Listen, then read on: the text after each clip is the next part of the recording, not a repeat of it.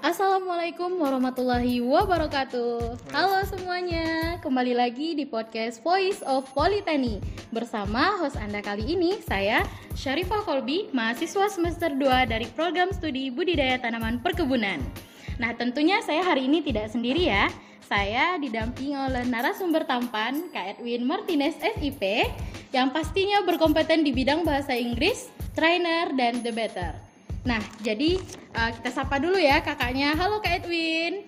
Halo Ara, Ara ya panggilannya? Iya Kak. Oke. Uh, jadi nih Kak bincang-bincang kita hari ini ada temanya nih. Hmm. Temanya yaitu Live Your Life with English. Oke. Jalani hidupmu dengan bahasa Inggris. Iya. Nah, menurut kakak nih arti kata menjalani kehidupanmu dengan bahasa Inggris itu kayak gimana sih Kak?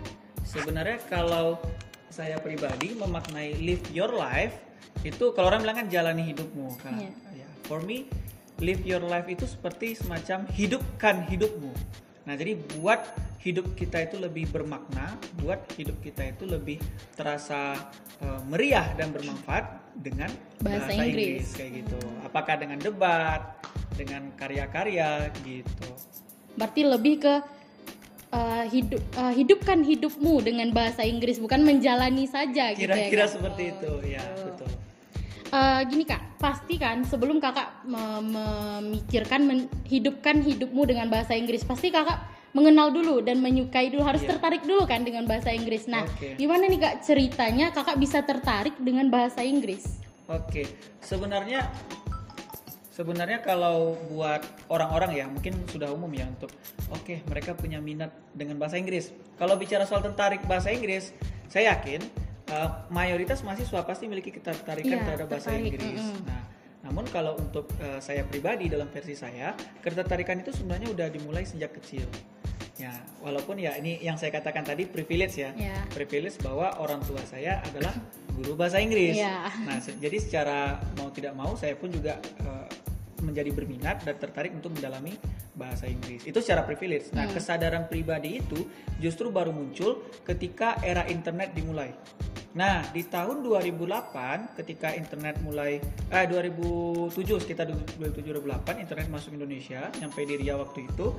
Nah, kita waktu itu ngelihat kan saya ngelihat waktu itu di internet ih banyak sekali informasi-informasi bagus berita-berita di dunia yang aduh rugi Bah. banget rasanya kalau nggak pandai bahasa Inggris yeah. alhamdulillah waktu itu bisa bahasa Inggris jadi saya bisa tahu banyak hal kayak gitu. Nah itu mungkin ketertarikan perdana dan ketertarikan yang kedua bahasa Inggris ini udah kayak apa ya menjadi sarana bagi saya untuk terhubung dengan orang-orang luar. Nah itu makanya saya tertarik masuk buat jurusan HI kayak gitu. oh. Selaras lah ya. Sama Iya selaras dengan jurusan kakak ya. Iya. Uh, gini kak, walaupun nih kakak udah tertarik, udah belajar, pasti ada nanti suatu masa kakak bosan juga Pasti. Ada nggak sih kak kakak merasakan kakak bosan gitu dengan bahasa Inggris dan itu kakak gimana cara mengatasinya kak? Pasti gini, uh, saya pernah mengalami kebosanan yang cukup parah dengan bahasa Inggris itu dalam tiga titik ya. Yang ini ini, ada beberapa untold, untold stories ya, yeah. beberapa yeah. cerita yang tidak pernah ceritakan. Hmm. Yang pertama saya pernah merasa sangat bosan dengan bahasa Inggris ketika waktu itu uh, sekitar SMA ya waktu itu ya. Jadi kan waktu itu kami kan orang tua punya bimbel ya yeah, bimbel bahasa Inggris kursus bahasa Inggris. Everyday English gitu yeah. kan setiap hari bahasa Inggris segala macam. Sementara saya waktu itu secara pribadi mungkin sedang mengalami masalah di internal pribadi saya. Dan saya pun muak dengan rutinitas. Jadi saya melihat bahasa Inggris seolah menjadi rutinitas. Itu Tidak, itu dan itu, itu aja itu aja. yeah. yang saya dengar. Nah. kemudian saya diminta jadi pelatih ataupun guru bahasa Inggris pemimpin yeah. bahasa Inggris mentor. Bosan. Itu kebosanan pertama. Hmm kebosanan kedua itu ketika uh, maba. Jadi hmm. saya itu ini banyak nggak tahu saya itu pernah ikut English debate. Saya yeah. pernah ikut English debate dan waktu SMP saya pernah ikut lomba speech debate. Pernah juara, tapi saya nggak mau kasih tahu ya yeah. rinciannya kenapa karena ada alasan tertentu. Namun waktu itu saya agak menjadi kurang tertarik dengan Inggris karena ada beberapa culture yang mereka menguasai bahasa Inggris tapi ya you know lah saya nggak mau menjudge tapi saya nggak suka culture-nya yeah. gitu. gitu kayak sosok pinter gitu yeah, lah yeah. dan yang ketiga kebosanan ketiga terjadi waktu semester 5 kami di HI itu dapat tugas untuk review jurnal dan jurnal itu bahasa Inggris semua bahasa Inggris bayangin bahasa Inggris level akademik loh yeah. ini bukan bahasa Inggris level TV atau level apa ya Kehidupan koran ya, ya koran udah dipahami ini yeah. bahasa Inggris level akademik. Bahasa berat. Mata kuliah saya waktu itu 24 SKS sampai 10 SKS eh, sampai 10 mata kuliah yang mana 7 dari 10 itu harus mengharuskan untuk mereview jurnal. Jurnal bahasa Inggris itu bukan dua halaman, Iya, banyak. 35 halaman satu bab. Gila. Nah, itu titik ketiga saya bosan. Tapi lama-lama karena udah terbiasa ya udah enjoy aja sampai sekarang. Itu istilahnya kalau saya bilang kayak gini, rasa sakit itu kerasa ya eh, karena kita mungkin belum terbiasa.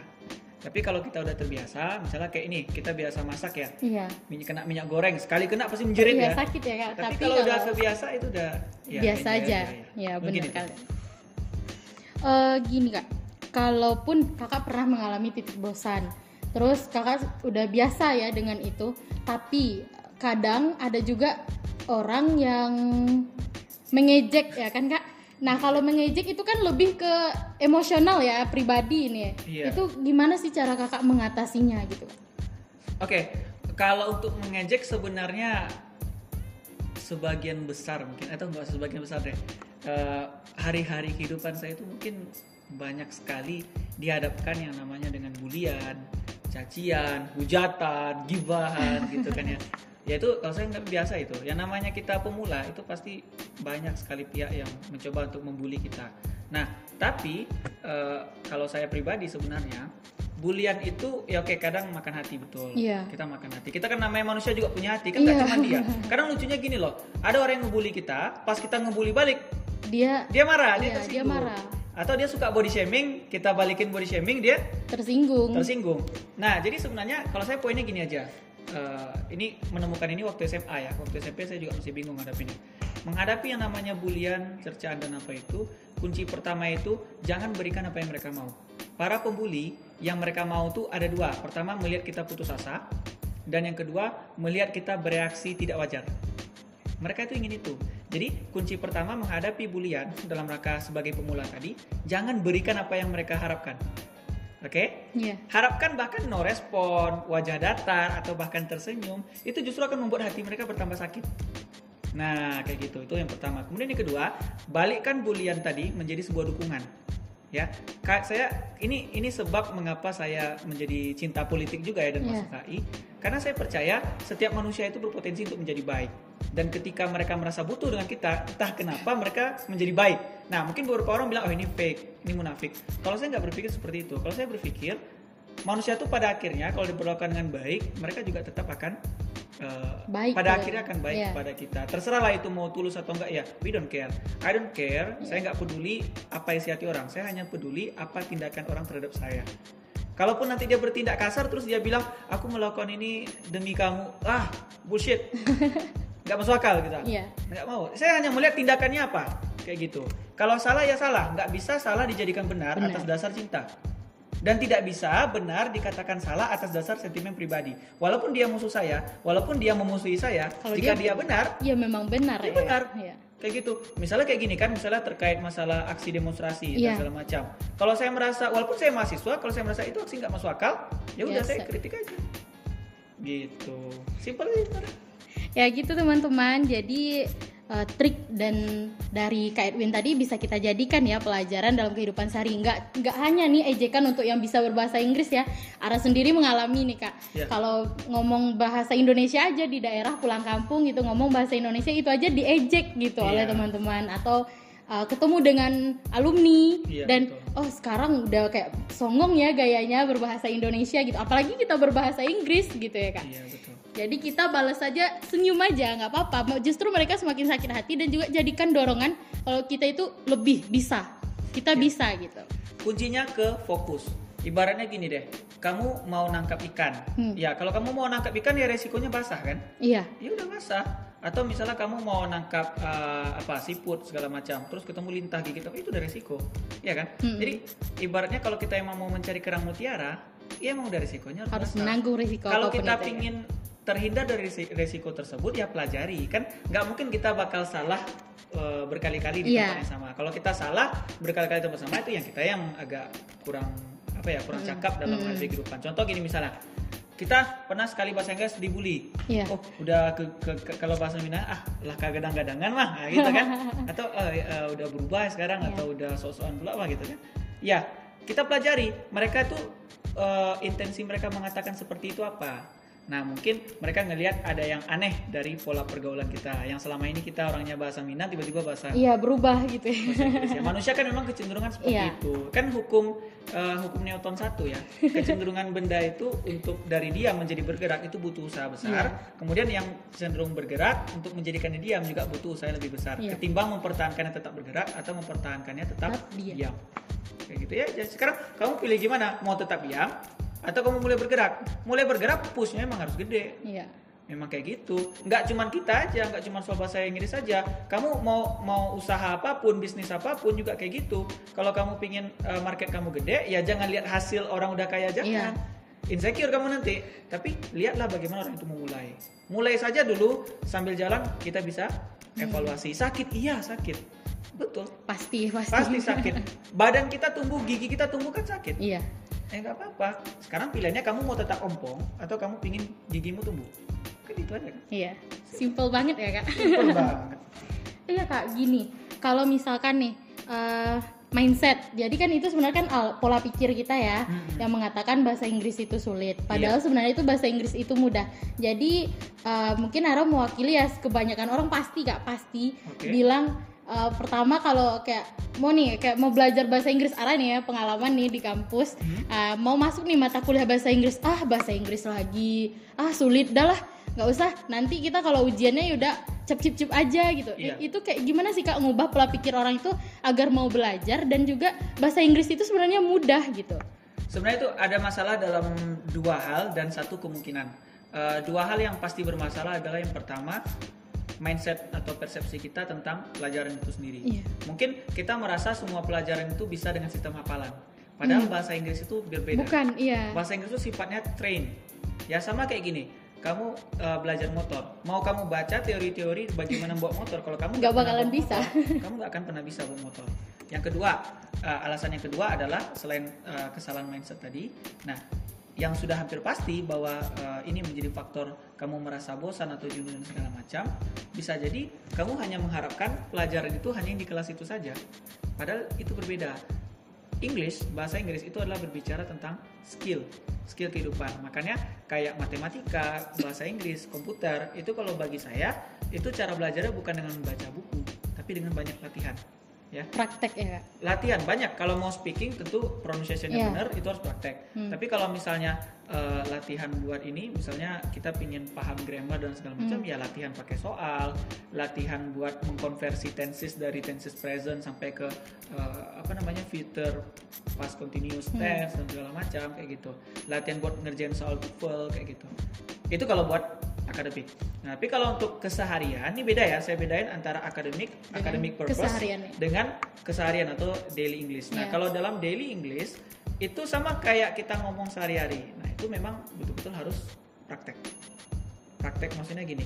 Contoh gini, ketika misalnya eh, Ara mau ngomong sama orang lain, apakah Iya. kamu pernah memikirkan dulu apa yang mau kamu ngomongin? Misalnya kamu susun kata per kata, kan enggak? enggak langsung ya Kamu ada hanya memikirkan ya. aku mau ngomongin ini, Iya. topiknya, Iya. keywordnya. Ha-ha. Setelah itu kamu lakukan secara naluriah, Iya. lakukan secara Spontan lagi ya. spontan. Iya. Nah, seperti itu pula tubuh kita ini. Nah, tubuh kita itu didesain untuk semakin ahli ketika kita mengulang-mengulang suatu pekerjaan. Dengan catatan kita betul-betul telaten dan ikhlas menjalankannya.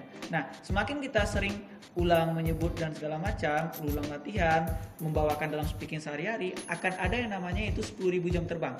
Ketika kita sudah mencapai pada 10.000 jam terbang, melakukan sesuatu skill itu seperti udah di luar kepala kita. Nah, saya percaya pada konsep itu. Makanya saya orangnya kayak gini. Selalu untuk ini ya kalau saya pribadi ya, Iya. tipe orangnya berani. Kalau orang mikir gini, berani di sini maksudnya apakah berani-berani bodoh? Enggak, Iya. enggak kayak gitu. Berani saya ini sebenarnya berani buat ambil kesempatan. Jadi ibaratnya kita maju, ambil kesempatan, taruh misalnya gini, contoh bawa motor. Saya contohin motor dulu ya, saya Iya. contohin ke Inggris. Bawa motor. Saya belum punya motor waktu itu dan saya belum pandai bawa motor waktu itu SMP. Pertanyaannya adalah, saya pengen belajar motor. Motor siapa yang mau saya pakai? Bayar kursus, nyetir mahal. mahal iya Nah, akhirnya apa? Saya ngaku ke orang, ya saya bisa bawa motor. Ayo udah pinjam, pinjam buat ke kedai segala macam. Nah, kan tentu masih gagap atau apa gitu kan ya bawa latihan ya dengan tentu harus kita hati-hati ya Hmm. jangan sampai mencelakai diri sendiri dan motor orang tersebut kan. Iya. Nah, kita bawa, kemudian kita jalani. Nah, apa yang salah kita pelajari, pelajari, pelajari gitu. Jadi prinsipnya itu adalah fake it until you make it. Berpura-pura kamu seolah kamu Paham, melakukan satu ya. dengan bisa Nah. dengan hal tersebut, tapi kemudian kamu juga sambil evaluasi. Kayak gitu. Iya. Ya, kayak mau ngajar misalnya.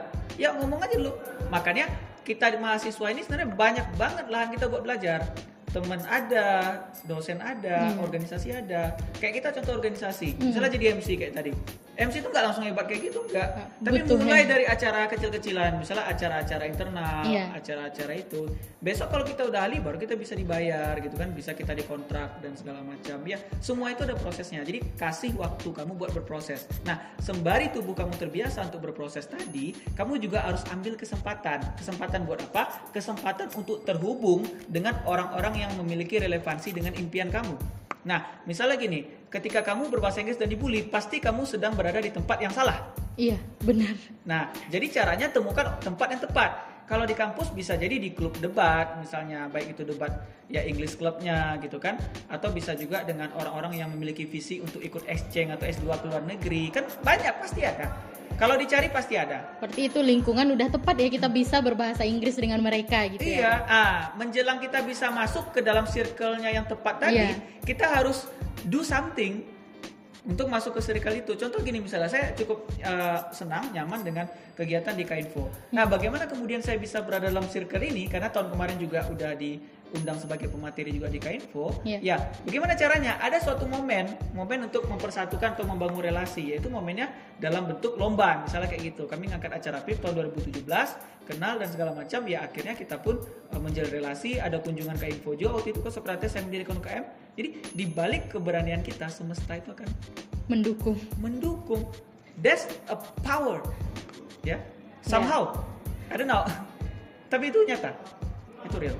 Ya bagaimanapun kita kayak awalnya nggak nggak memperkirakan ini bakalan terjadi dan ternyata Iya. itu terjadi gitu. kayak kayak gitu kayak gitu kan sering kena ina ya kena body Iya. shaming kan tapi dia ketika berada di tempat yang tepat dan di, di disalurkan kepada hal yang tepat yaitu dia buat konten dan segala Iya. macam duitnya banyak loh mungkin lebih banyak pada bos-bos eh, perusahaan-perusahaan jadi lebih banyak duitnya asalkan di tempat yang tepat Berarti kita harus sebenarnya walaupun ma- mungkin banyak orang yang ngejek, berarti kita harus tahu kalau kita itu berada bukan di lingkungan yang tepatnya, maka carilah lingkungan yang benarnya gitu. Nah. Dan kita juga harus evaluasi dari lingkungan yang kemarin, Iya. oh, di mana letak- kan bisa jadi bukan orangnya aja yang salah, kita Yang juga salah, ya. salah gitu. Jadi evaluasi diri pun juga penting ya, Kak. bisa jadi attitude kita yang Iya. buruk orang nggak suka terus kita Ah. kena bully kan bisa jadi Iya. makanya kita harus apa ya siap dievaluasi ambil yang benar buang yang salah, Salah. tapi jangan eh, ambil yang baik buang yang buruk jangan terapkan di masjid ya Iya.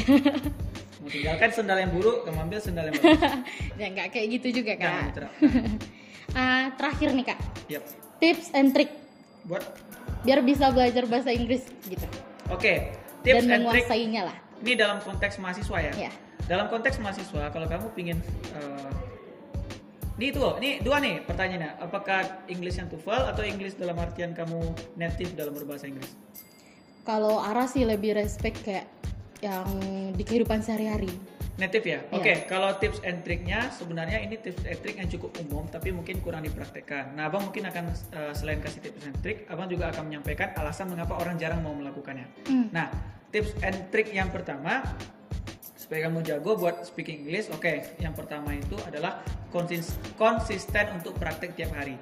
Alokasikan waktu satu jam atau setengah jam terserah pokoknya buat ngomong bahasa Inggris. Kalau kamu bisa ketemu lawan bicara yang sepadan, it's okay nggak apa-apa. Ya bisa jadi teman atau Hmm. apa. Bahkan saya pribadi supaya bisa dapat lawan diskusi yang sepadan, saya bahkan harus cara tanda kutip membayar orang tersebut. Gimana cara membayar traktir dia? Ayo pergi makan yuk, biar aku traktir. Cara nggak langsung kita kan, kalau orang dari traktir kan dia termakan budi ya. Iya. Akhirnya dia juga ini kan, mau nggak mau kita ajak ngomong bahasa Inggris ya. Juga akan meladeni. That's the point. Itu yang pertama. Iya. Ya, konsisten praktek setiap hari. Kemudian yang kedua, eh, untuk jago dalam hal eh, komunikasi dalam bahasa Inggris itu, kita juga butuh yang namanya itu apa namanya belajar secara mandiri, memiliki rasa penasaran terhadap sesuatu. Jadi eh, kita itu harus me- mesti memiliki role model. Walaupun kita nggak punya guru atau mentor yang akan bimbing kita, tapi setidaknya kita punya role model. Kira-kira eh, kita itu tertarik berbahasa Inggris tuh yang stylenya seperti apa. Karena kadang ketika kita memiliki role model tertentu itu akan mempengaruhi kita untuk belajar lebih giat. Misalnya gini kamu tertarik dengan misalnya speechnya gaya ngomongnya siapa? Misalnya Emma Watson misalnya Hmm. yang pemeran Harry Potter Hmm, Inggris iya. gitu kan. Mungkin kamu tertarik dengan dialeknya cara ngomongnya so seksi kedengarannya Iya. gitu kan. Jadi kayak oke kamu mau ingin seperti dia. Ingin ya seperti- bukan berarti menjadi dia Iya. tapi ingin seperti dia. Oke style. Coba lihat. Jadi saya dengerin orang bahasa Inggris itu secara nggak langsung saya bisa tahu tontonan dia apa dari cara dia ngomong nggak mungkin orang itu eh, tontonannya nggak akan pengaruhi dia. Hmm. pasti akan pengaruhi sedikit atau banyaknya. Nah jadi role model inilah kemudian yang akan menjadi penyemangat kamu. Walaupun dia nggak menyemangati Iya, siapa tapi itu tapi menjadi motivasi ya Motivasi. untuk bisa gitu. kayak gitu. Kenapa? Karena manusia ini nggak bisa dijelaskan secara teoritis untuk hal-hal seperti praktik. Misalnya ada nggak mengajari masak? Nggak ada. Nggak ada. mana ada mengajari masak? Nggak ada. Setiap orang punya style masak Iya. masing-masing. Persepsi tentang keasinan atau enggak itu masing-masing berbeda. Gimana caranya? Iya pengalaman. Kamu masak. Lihat komentar orang. Kayak gitu. Gitu pun dengan Inggris. Caranya beda. Bisa jadi mungkin abang dengan baca dikit atau apa bisa langsung paham. Bisa Hmm. jadi mungkin arah dengan pendekatan yang berbeda. Nah gitu. Itu yang kedua. Dan yang ketiga tips and triknya juga. Nah ini ini yang saya bilang umum tapi jarang banget orang praktekkan. Ya Apa itu, tadi Pak? tadi kan praktek satu kan Nah, Iya. yang ketiga yang ketiga itu adalah bagaimana kemudian kita memperkaya kosakata kita hari demi hari kalau saya itu punya target waktu saya masih di asrama di kampus tahun Hmm. satu itu 10 kosakata per hari 10 Saya harus kuasai. kosakata. ya saya harus kuasai di Wajib. Hmm. depan. wajib wajib waktu itu saya bertahan melakukan itu sampai setahun 300 hari selama saya di asrama dan itu saya sudah mengumpulkan 3000 3000 kata. kata. Hmm. 3000 kosakata Inggris baru. Eh, itu satu. Itu yang jarang. Eh, pertanyaanlah kenapa kok orang banyak jarang atau enggak enggan melakukan itu. Secara teori mereka mau tapi semangat ilalang timbul. Iya. Alasannya itu yang pertama jangan salahkan lingkungan dulu, tapi salahkan yang pertama dulu motivasi kita itu apa. Nah, berikan motivasi yang kuat. Bang, gimana cara dapat motivasi? Bukan nonton seminar motivasi. Nonton seminar motivasi itu sejatinya itu efeknya sebentar. Tapi motivasi yang paling kuat itu biasanya terletak pada keinginan nurani kita. Keinginan nurani kita ingin seperti apa? Bang, aku nggak punya motivasi, bang. Aku nggak punya keinginan, nggak punya ketertarikan. Cemplungkan diri kamu dalam masalah. Kalau kamu mau tahu passion kamu apa, cemplungkan diri kamu dalam masalah. Abang tahun satu belum tahu mau jadi apa. Akhirnya apa? Walaupun abang udah tahu jangka panjangnya jadi Iya. apa, cuma abang belum tahu tahun 3 tahun 4 ini mau aktif di Ngapain organisasi ya? abang nggak tahu. Iya. Abang ikut aja. Cemplungkan diri abang dalam masalah, ikut organisasi. Ada kegiatan ikut, ada acara ini ikut, ada kajian ikut. Nah, akhirnya di sana bakal ketahuan ketertarikan kita di mana. Ternyata yang abang awalnya duga, abang tertarik untuk memegang piala dan prestasi, ternyata bukan itu passion abang. Malah abang tau nggak berapa kali pas pengumuman pemenang abang nggak hadir, Kenapa?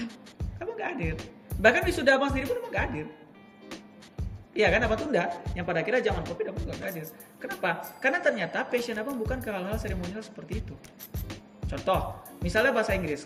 Motivasi abang gini, awalnya abang kira abang bisa bahasa Inggris biar bisa jajan ke luar negeri. Rata-rata orang motivasi Iya, gitu kan. biar bisa pergi ke luar negeri ya. Ternyata enggak. Ketika abang pergi ke luar negeri, ya biasa aja kayak touring, udah udah gitu. Keluar negeri, oh ya udah. Nggak ada sesuatu yang kayak membahagiakan enggak. Karena ternyata kita sering kali dipengaruhi oleh framing yang dibangun oleh film yang kita tonton. Ngelihat kayak orang ke luar negeri kelihatannya bahagia. Iya, bahagia banget. Kemudian ngubah Instagramnya, bionya jadi full time traveler, kan? Kan itu ya ciri-ciri Iya. kan. Terus buat ngadain podcast, rata-rata orang yang kuliah luar negeri pasti kayak gitu. Boleh. Nah, ternyata bukan itu. Ternyata apa yang abang suka dari bahasa Inggris itu adalah ternyata kesempatan buat akses bahan-bahan bacaan yang berbobot. Karena banyak bahan bacaan yang berbobot itu justru dari luar negeri dan itu Iya. belum diterjemahkan. Kayak gitu. Itu yang pertama. Motivasi abang pertama di sana. Kemudian motivasi abang yang kedua ini agak kedengaran so subjektif tapi ya ini laku gitu kan. Yaitu gimana ya?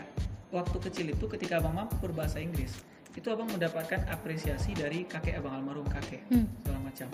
Kemudian juga mendapatkan apresiasi dari orang-orang tercinta kita lah Iya, di sekitar kita. penyemangat. Dan setiap kali kita mampu berbahasa Inggris, walaupun nggak ada orang yang tepuk tangan, walaupun orang mencemooh kita, tapi seolah-olah dalam bayangan kita orang itu bertepuk tangan untuk kita.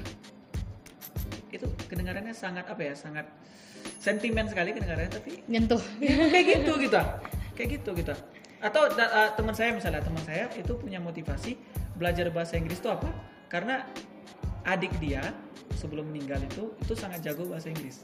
dan setiap kali dia belajar bahasa Inggris dia selalu teringat dengan Adik. adik dia yang udah meninggal itu tuh kan hal yang sangat sentimen yang kita Iya. bahkan nggak gimana ya? Setiap orang tuh Iya, mempunyai punya- hal yang berbeda-beda. iya.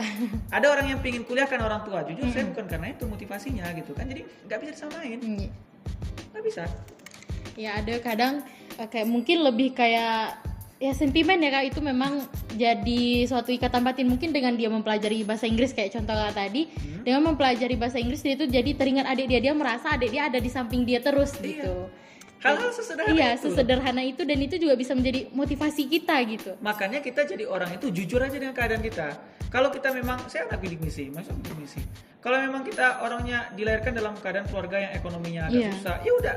Jujur aja kenapa harus malu? Kenapa harus mempoles diri kita dengan oh sok kaya terlihat kaya pinjam motoran apa apa uang bisa dicari kesuksesan bisa dikejar eh kesuksesan bisa didapatkan. Kalau kita yang pertama itu admit yourself. Ya akui bahwa inilah saya. Ini saya ini ya udah saya orangnya nggak ganteng walaupun dipuji-puji ganteng oh ini Iya. sindiran yang bilang kan. Ya gitu kan. Ya udah saya akui. Saya emang kayak gini orangnya.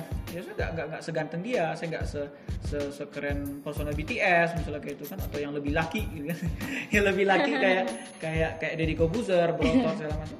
Saya nggak kayak gitu nah sekarang apa yang membuat saya bertahan dalam hal debate Inggris walaupun hari ini saya punya pekerjaan ya Iya. yang udah abang sebutin tadi nggak usah Iya. di mention di sini ya nanti eh, nggak enak itu privacy Eh, jadi karena hal-hal tersebut tadi hal-hal tadi ya yang terus mendorong abang untuk maju Hmm. maju ke depan nggak peduli sama saingan rival bodo amat lah. Ini mohon maaf ya. Intinya saya saya maju gitu. Ya kalau abang gini lawan terbesar saya itu bukan juara dua juara tiga enggak. Tapi saya diri sendiri. saya sendiri ya jika saya tidak lebih baik dari hari ini maka saya kalah dengan diri saya kemarin. Ya udah kompetitifnya itu ke diri sendiri. Makanya kalau ke rival itu saya itu lebih peduli kayak ini. Ada yang bisa mengalahkan saya dia juara satu kemudian saya lihat oh apa kuncinya? Saya pelajari. Oh gitu. Ya udah saya adopsi. Cocok nggak sama saya? Ya udah. Nggak ada kayak Allah dia dimenangin karena ini aja. Oh dia karena dekat sama wali kelas. Ah dekat sama guru. Enggak buang sifat negatif itu gitu. buang kebiasaan suka membuli orang. Ya karena sejatinya kalau kita suka membuli orang nih dengerin ya. Kalau membuli orang ini buat semua penonton pendengar setia ada suka ngatain orang ada suka membuli orang efek negatifnya itu balik ke diri anda. Ketika anda mencoba try the new thing yang baru try, try something new Iya. kamu akan takut karena seolah-olah Kamu akan sisi dibully. dunia akan dibully Iya. akan membuli kamu itu dia Eh, baik teman-teman, jadi itulah tips and trick dari Kak Edwin nih. Jadi bisa kita gunakan lah ya, terapkan dalam kehidupan sehari-hari. Semoga podcast kali ini bisa bermanfaat dan mengedukasi untuk kita semua. Dan juga terima kasih kepada Kak Edwin yang udah berkesempatan hadir pada hari ini. Siap. Jadi cukup sekian ya podcast podcast kita pada hari ini. Sampai jumpa di podcast berikutnya. Assalamualaikum warahmatullahi wabarakatuh. Waalaikumsalam warahmatullahi wabarakatuh ini channelnya apa